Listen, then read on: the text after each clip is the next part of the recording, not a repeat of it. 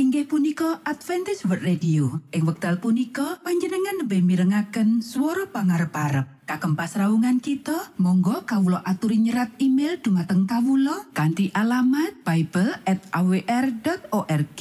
utawi panjenengan uki saged layanan kalian Kawulo lumantar WhatsApp kanti nomor plus setunggal saged layanan kalian Kawulo kalh kalh sekawan kalh kalh kalh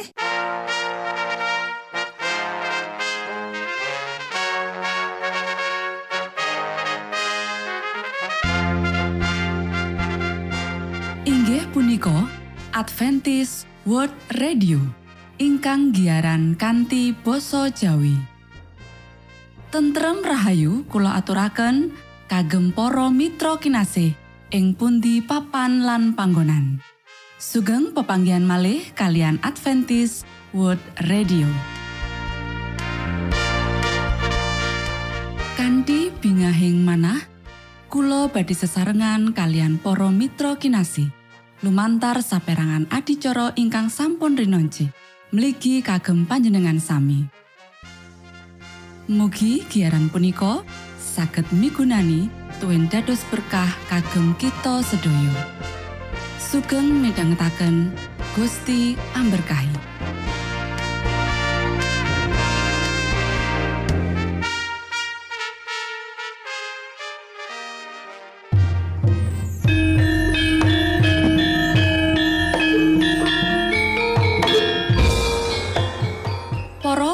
Pamirsa kinasih ing Gusti Yesus Kristus.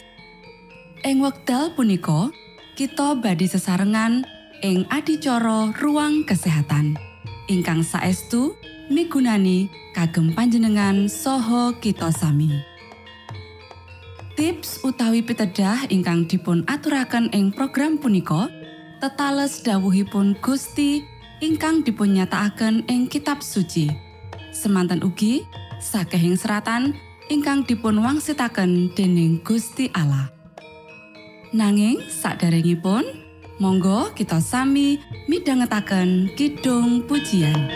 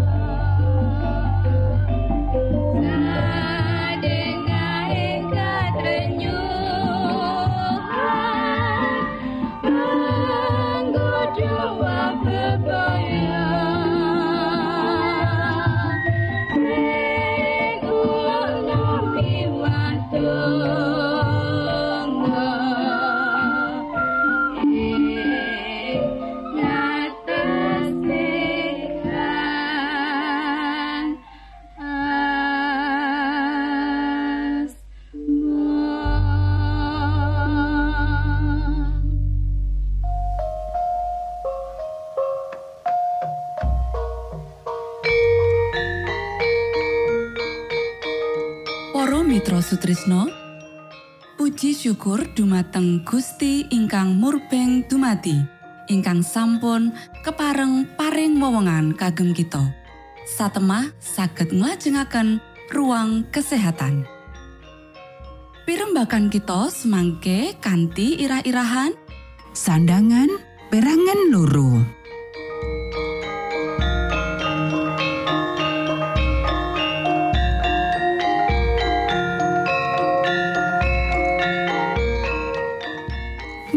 Dumateng para pamiarsa ingkang dahat kinurmatan, sugeng pepanggihan malih kalian kula Isti Kurnaidi ing adicara ruang kesehatan. Ing dinten punika kanthi irah-irahan sandangan perangan loro. Para sedherek ingkang kinasih, ing episode kang kapungkur, kita wis nyinau babakan sandangan lan saiki kita bakal mbacutake sinau babakan sandangan iki.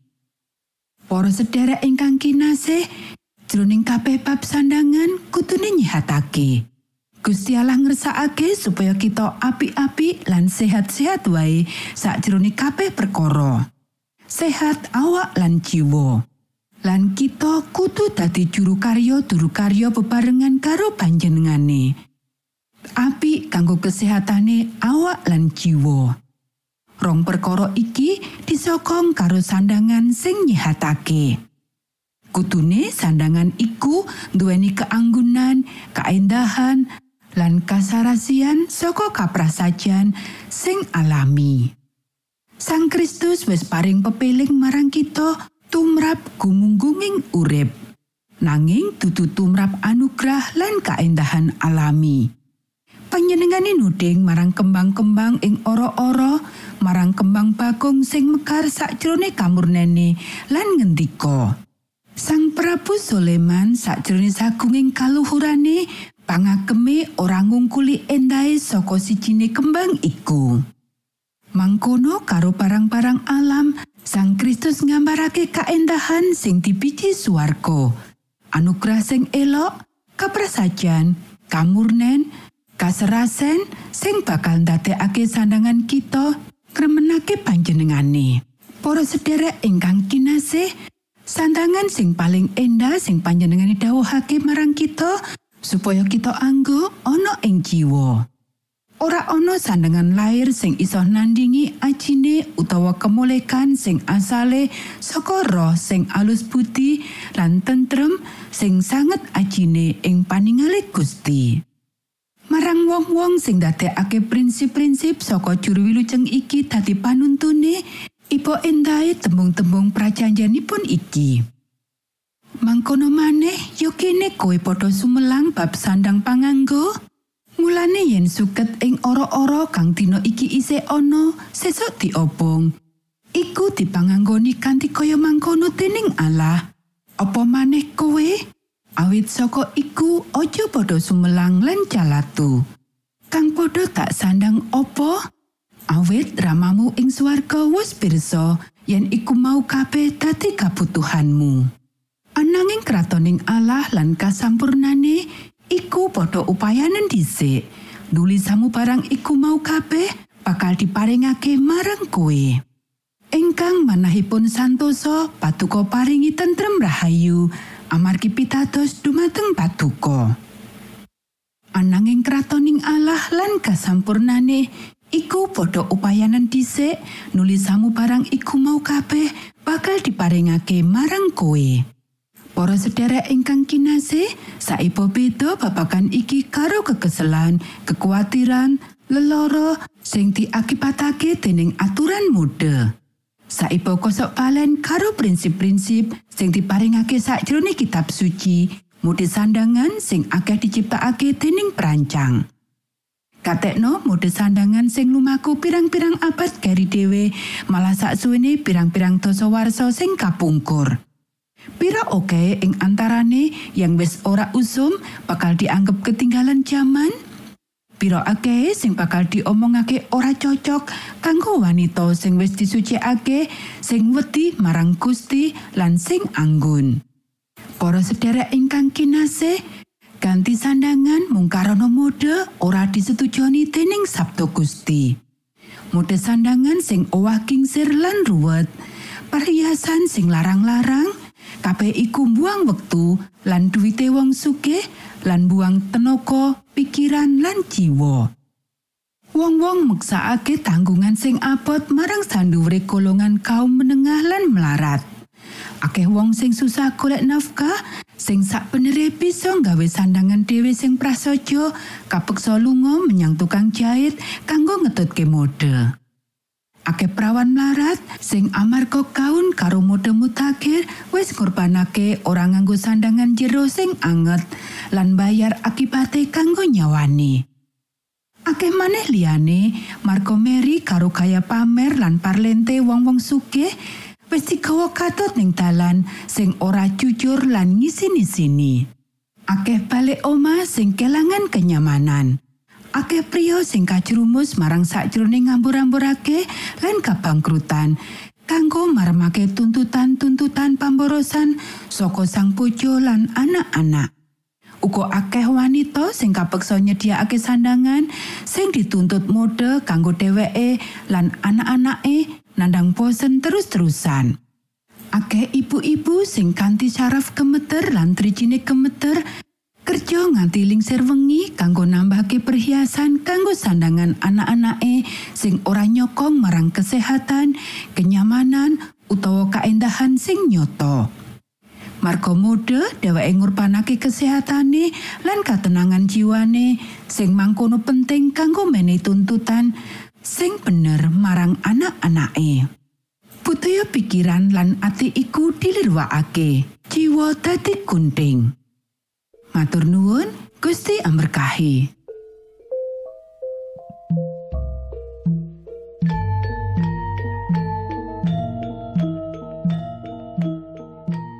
cekap semanten pimbakan ruang kesehatan ing episode dinten punika Ugi sampun kuatos jalaran kita badhe pinanggih malih ing episode sak lajengipun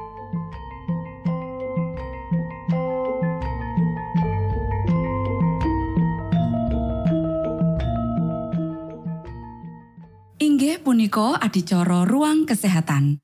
Menawi panjenengan gadah pitakenan utawi ngersakaken katerangan ingkang langkung Monggo Kulo aturi Kinton email dateng alamat ejcawr@ gmail.com utawi lumantar WhatsApp kanti nomor 025 pitu 00 songo songo papat 00 pitu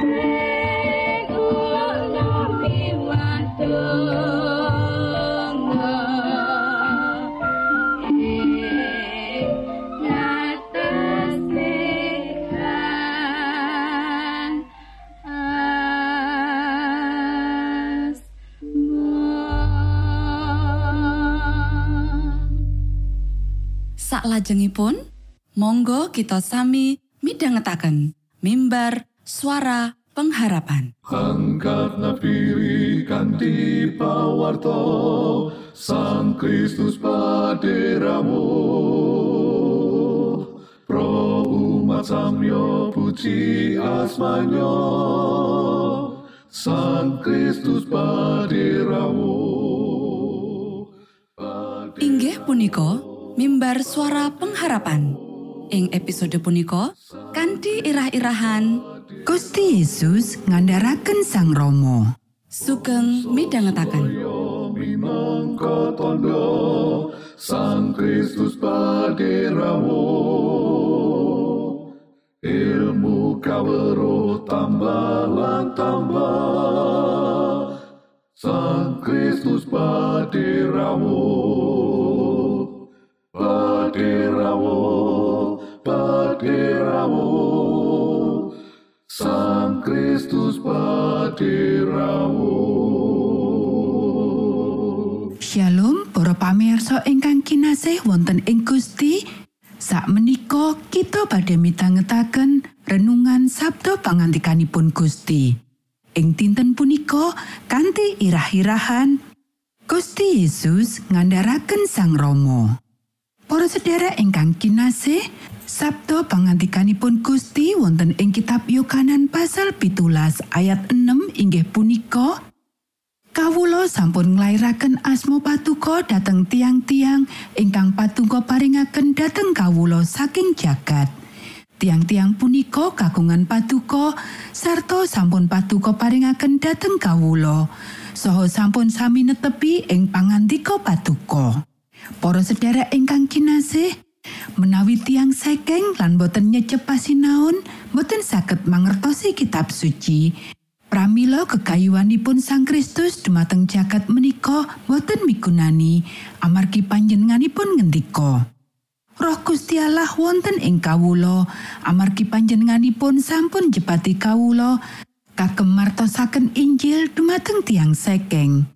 Panjenenganipun sampun ngutus kawula kagem nyarasaken ingkang rempu penggalihipun. martosaken pangeluaran dumateng pesakitan lan mulihaken paningal ingkang wuta nguali tiang-tiang ingkang tatu Para sederek dawuh kagem niti preksa kitab suci ingkang Sang Kristus dawuhaken boten namung kagem tiang-tiang Farisi lan ahli Toret namun dumateng pepandanipun warga limrah ingkang ngupengi piyambakipun. Menawi kitab suci mboten kagem dimangertosi saben golonganipun masyarakat, dupi suke menapa sekeng, napa ginanipun sang juru wilujeng paring dawuh niti preksa kitab suci, menapa untungipun niti preksa setunggalipun perkawis ingkang boten badhe saged dipun mangertosi. Para sederek, jejibahan saben tiang ingkang sregep inggih menika niti preksa kitab suci. Diri pribadi ingkang kedah mangertosi kanthi mesti syarat sarana kagem manggihaken kawilujengan. Para sederek, tiang-tiang Farisi lan guru-guru agami sangat tebih nyingkur saking kapribatosanipun Gusti Allah. Satemah wigatos kagem Sang Kristus kagem rawuh dumateng jagat pinangka sule sarira Sang Rama. Lumantar kewasisanipun, pria lan wanita katuntun dening iblis kagem manggenaken kapribatosan pepeteng wonten ing paningalipun piyambak. Namun sang juru wilujeng nyicali malih sedaya pepeteng dedet ingkang sampun kaolesaken iblis menika satemah panjenenganipun saged mundut sunar pepadang kamirahan lan tresno asih ingkang asalipun saking Gusti Allah kagem kita. Para sederek, Sang Kristus mundut wadaking manungsa supados pepadang lan cahyanipun welas asihipun Gusti Allah boten nyirnakaken titah manungsa.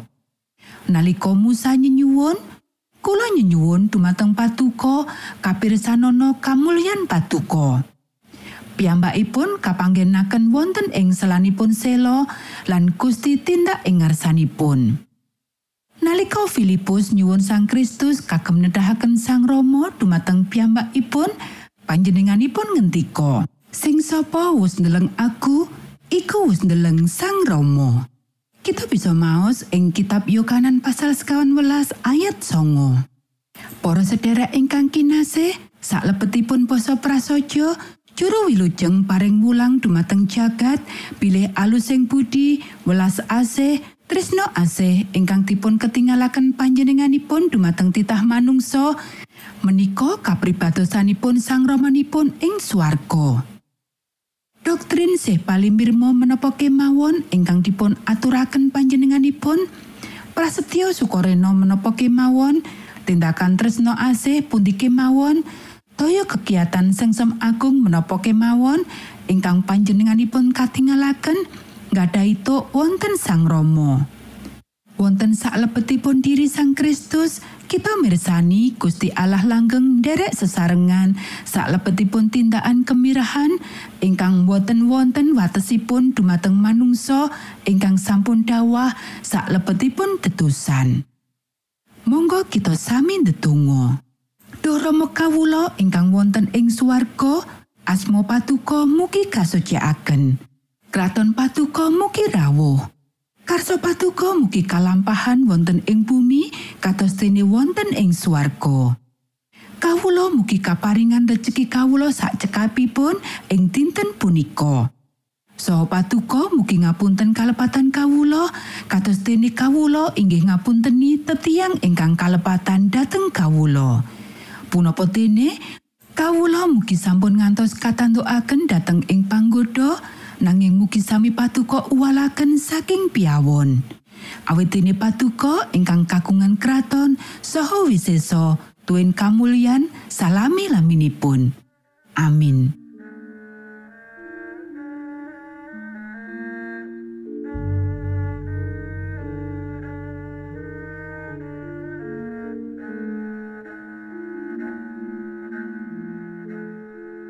Para Mitra Sutrisno, pamiarsa kinasih ing Gusti Yesus Kristus. Sampun paripurno pasamuan kita ing dinten punika. Menawi panjenengan gadah pitakenan utawi ngersakaken seri pelajaran Alkitab suara nubuatan, monggo Kulo aturi kintun email dateng alamat ejcawr gmail.com utawi lumantar WhatsApp kanti nomor 085 pitu 00 songo songo papat 00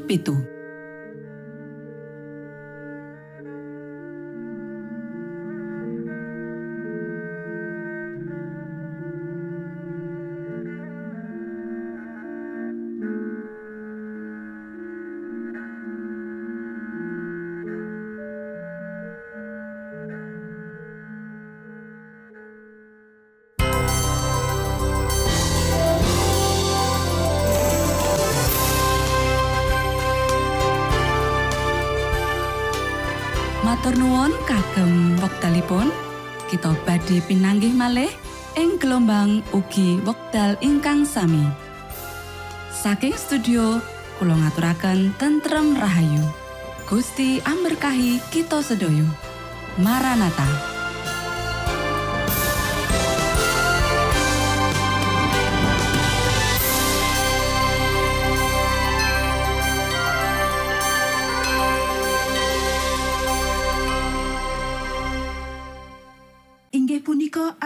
World Radio. Ing wekdal punika panjenengan lebih mirengaken swara pangarep-arep. Kagem pasraungan kita, monggo kawula aturi nyerat email dumateng kawula kanthi alamat bible@awr.org. Utawi panjenengan ugi saged layanan kalian kawula lumantar WhatsApp kanthi nomor plus setunggal saged layanan kalian kawula kalih kalih sekawan kalih kalih kalih